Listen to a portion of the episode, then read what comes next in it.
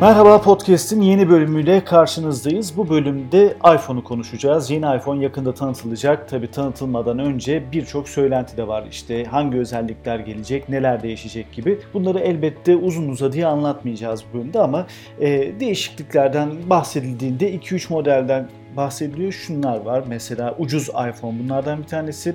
Yeni iPhone X bir tanesi.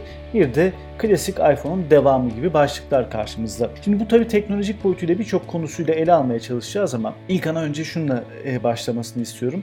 Yani iPhone aslında bizim için ne ifade ediyor? Teknolojide baktığında düne, bugüne yani karşımızda ne gibi bir seçenek olarak duruyor? Ya ben şahsen hani iyi telefon kullanmayı iPhone'la öğrendim diyebilirim. Hani yaklaşık 7 yıldır sürekli iPhone kullanıyorum. Hem yazılımı hem donanımı olsun Apple'la kullanmayı öğrendim ve hani oldukça da zevkliydi aslında o dönemlerde iPhone kullanmak. Çünkü benim de hani iPhone kullanmaya başladığım dönemde hani hem böyle Steve Jobs'ın hayatını yeni kaybettiği ve o Apple'a kazandırdığı o radikal yeniliklerin ve kazanımların henüz tam anlamıyla yeni kadro tarafından sömürülmeye başlanmadığı bir dönemdi. Mesela benim kullandığım ilk telefon iPhone 4'tü ve bir devrim niteliği taşıyordu bence. Hem Apple için hem de kullanıcılar için. Yani aradan 7 yıl geçti ve 2018 yılında seninle beraber iPhone kullanmayı bıraktık. Bu noktaya kadar geldi. Bu yayında da bunun sebeplerini aslında birazcık tartışacağız. Sen neler söylersin? Dediğim gibi benim için de iPhone çok ilginç bir sıçramaydı. Aslında ben Symbian'ın çoğu modelini kullandım. İşte Engage kullandım. Nokia'nın işte bir dönemin en popüler telefonlarından birisi. E, sonrasında işte akıllı telefonlardan e, Siemens SX1'di galiba o dönem. Bir Symbian telefon kullanırken arkadaşımla buluştum. Tabii o dönem iPhone'u duyuyorum ama hiç görmemişim. E, arkadaşımla çıktık. Telefonun navigasyon özelliğini gösterdi. Apple'ın e, o zaman Google'ın haritasını kullanıyordu. Şimdi o haritayı açtığında bulunduğumuz yeri tam olarak nokta atışı gösteriyordu. Ben ona hayran kaldım. Telefonun her şeyi dokunmatik, her şeyi farklı. Dedim ya bunu almalıyım. Ne yapıp edip bunu almam lazım diyerek kaldım. Benim de hayatımda ondan sonra bütün iPhone S serilerini kullandım. Hatta bir ara bir 6 ay e, Android kullandım. E, HTC'nin bir modelini kullanmıştım. Ama hiç memnun kalmadım. Neredeyse telefonu parçalayacaktım 5. 6. ayda.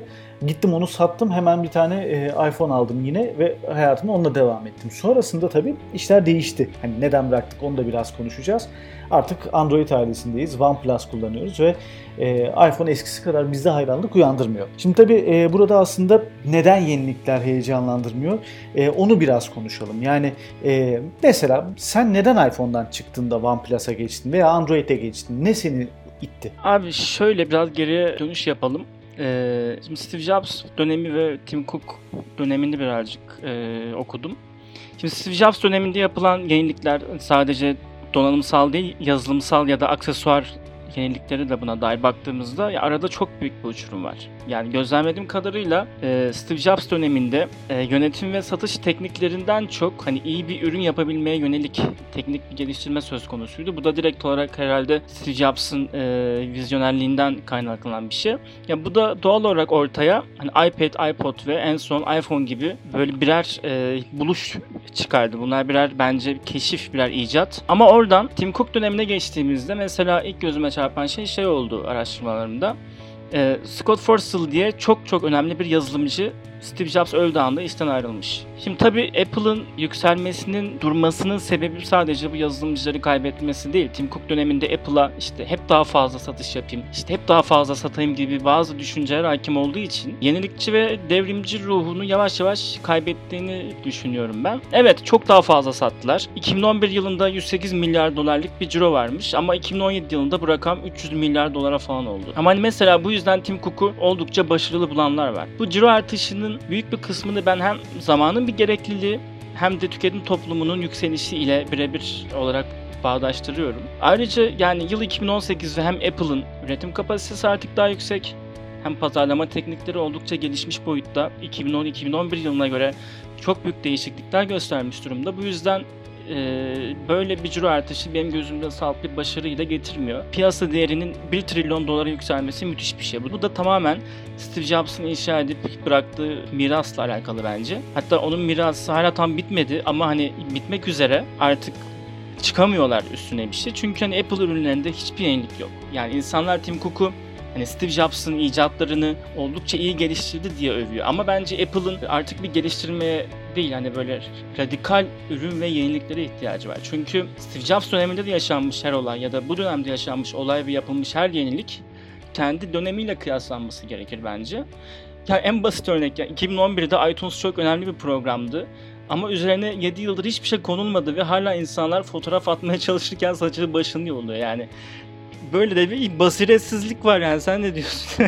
Çok doğru noktalara değindin. Teknoloji açısından değerlendirildiğinde mesela ben iPhone'un hep S modellerinden gittim. iPhone 4S, 5S, 6S üzerinden gittim. Baktığımda şunu söyleyeyim.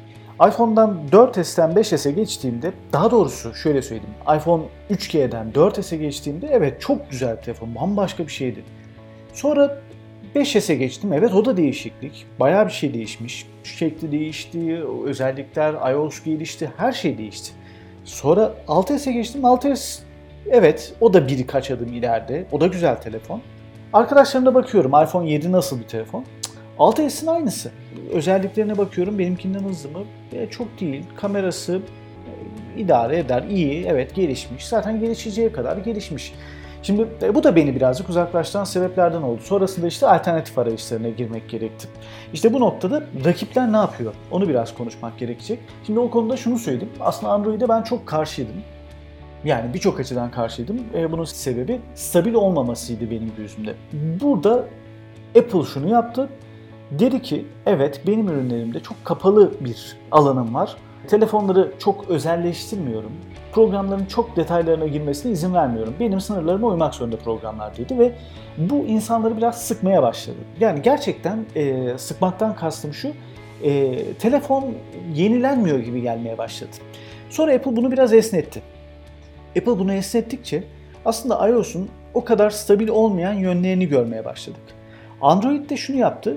Çerçöp bir sürü yazılım varken dedi ki Google ha burada bir sorun var ben bunu değiştireyim dedi. Oturdu Store'u biraz temizledi. Apple stabilitesini bozarken e, Android buna karşılık olarak daha stabil bir işletim sistemi haline almaya başladı. Ve Android 8 ile birlikte bu çok daha net oldu. Yani telefonlarda bugün kullandığımızda e, sen de yaşamıyorsundur, ben de yaşamıyorum. Herhangi bir kilitlenme sorunu, bir takılma benzeri bir şey yok. Tabi bunda RAM'in sistemin çok büyük özellikleri var. Sonrasında Apple şunu yaptı. Türkiye pazarında konuşalım ki dünyada bile fiyatların o yükselişi dolar cinsinden dünyada bile eleştirildi. Ama ona rağmen rakipleri işte Samsung daha stabil bir fiyat politikası izledi. E, Huawei geldi. HTC çeşitli modeller üretti. LG, Sony, e bir de buna Çin pazarı girdi. Xiaomi'si girdi, OnePlus'ı girdi. Pazar iyice karıştı. Bir bakıyorsun Apple'ın yarı fiyatına Ondan çok daha iyi kamera, çok daha da iyi dokunmatik ekran, çok daha iyi ses, müzik, her şeyle iyi bir telefon çıkıyor karşına.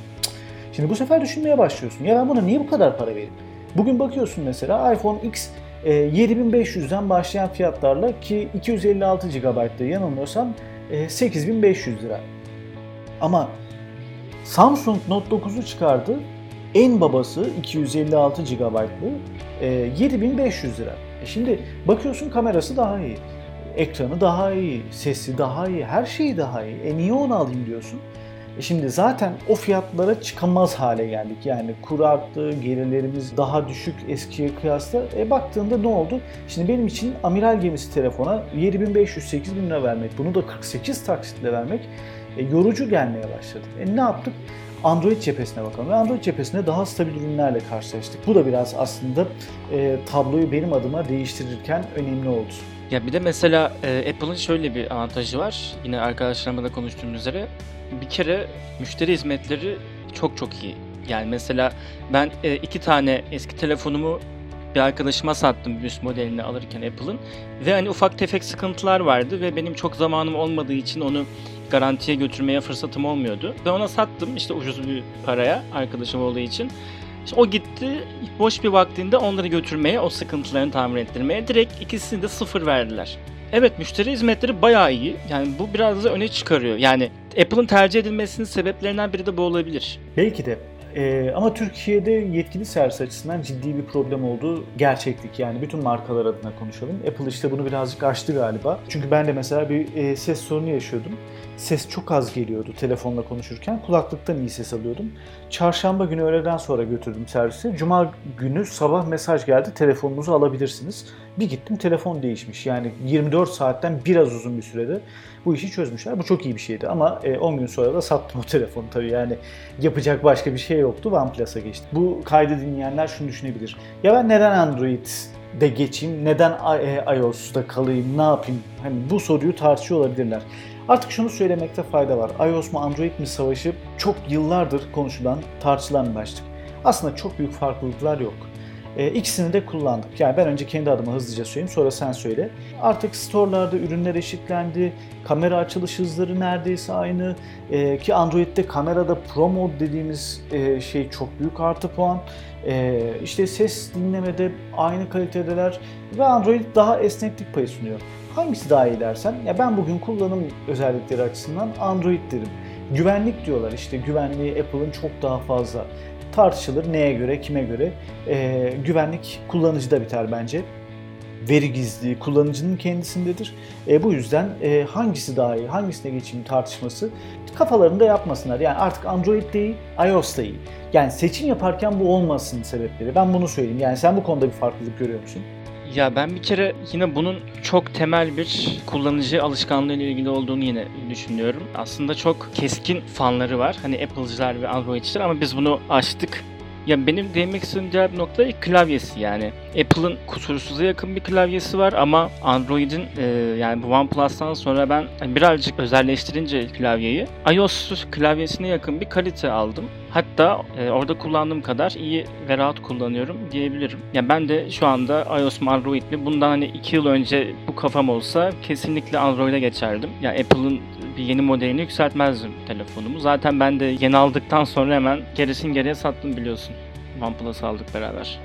Evet, şimdi hatta şey bekliyoruz. Acaba OnePlus 6 alabilir miyiz ya da 6T evet alabilir ya. miyiz diye hesap yapıyoruz ama tabii artık imkansıza yakın. Tabii şunu söyleyeyim bir de. Yeni iPhone tanıtılacak. iPhone tanıtıldıktan sonra da bir podcast yapacağız bu konuda. Ben çok bir şey beklemiyorum artık. Ee, yakın zamanda Samsung'un iPhone'la dalga geçtiği reklamlarına haberini yapmıştım. Orada e, işte söylüyordu. Mesela 32 kişilik FaceTime bizim en büyük gücümüz diye Stava'da söylüyor. O espri bile aslında geri çekildi ve hayata geçmiyor diyebilirim yani. Ben çok bir şey beklemiyorum. Sen nasıl bakıyorsun? Ya aslında şöyle ben artık herhangi bir telefon için ya da şöyle söyleyeyim özellikle iPhone için işte şunu bekliyorum, şunu bekliyorum diye bir şey söylemek istemiyorum. Yani eğer bir telefon bana hani bir yenilik verecekse bu benim hani düşünemeyeceğim bir şey olmalı. Yani bu benim hani isteyemeyeceğim, aklıma gelmeyecek bir şey olmalı. O yüzden hani benim de çok beklentim yok ama hani benim aklıma gelmeyecek ve hani ben şunu isterim e, diyemeyeceğim bir e, yenilik bana bir sunarsa da şaşırdığımda kalırım yani. Çok böyle beklentim yok. Artık teknolojide de belli bir doyum noktasına yaklaştık gibi. E, bu saatten sonra evet böyle birkaç e, incik cincik e, özel detaylarda çok güzel işlerle karşılaşacağız ama e, telefon teknolojisinde galiba e, bir şey noktasındayız yani bu en azından elimizde tuttuğumuz mobil telefonlar konusunda bir e, son noktaya geliyoruz gibime geliyor bana. Ben de şunu düşünüyorum bazen. Hani daha ne olabilir mesela yenilik olarak? Hani daha ne sunulabilir? Yani bizim şeyimiz burada belki de bitiyor ufkumuz. Karşımıza işte birisi çıkıp çok böyle bizi tamamen değiştirecek bir şey çıkarırsa eyvallah saygı duyarız ama... Ya o reklamlar Samsung Apple'ı eleştiriyor. Apple'ı eleştiren telefon neydi? Duvara yansıtılan. Evet evet. Evet evet. Çok kaliteli olarak yani hologram hani bir sinema kalitesinde o yansıtılabilir mesela. Nasıl olabilir? Yani çok mu önemli? Ya aslında değil. Ama hani yenilikse böyle radikal bir yenilik lazım bence. Evet. Bunda işte yakın zamanda Red'in telefonunu tanıtmıştık sitede. Orada o da bunu vaat ediyor gibi görünüyor. Neyse e, iPhone konusunda şimdilik söyleyeceklerimiz bu kadar gibi. E, tanıtımdan sonra bir daha bir konuşalım diyorum. Sen ne dersin? Ya aynen öyle. Artık hani gülecek miyiz, kahkaha mı atacağız yoksa şaşıracak mıyız? Onu da bir dahaki yayında hep beraber görelim. Evet. Hoşçakalın. Hoşçakalın.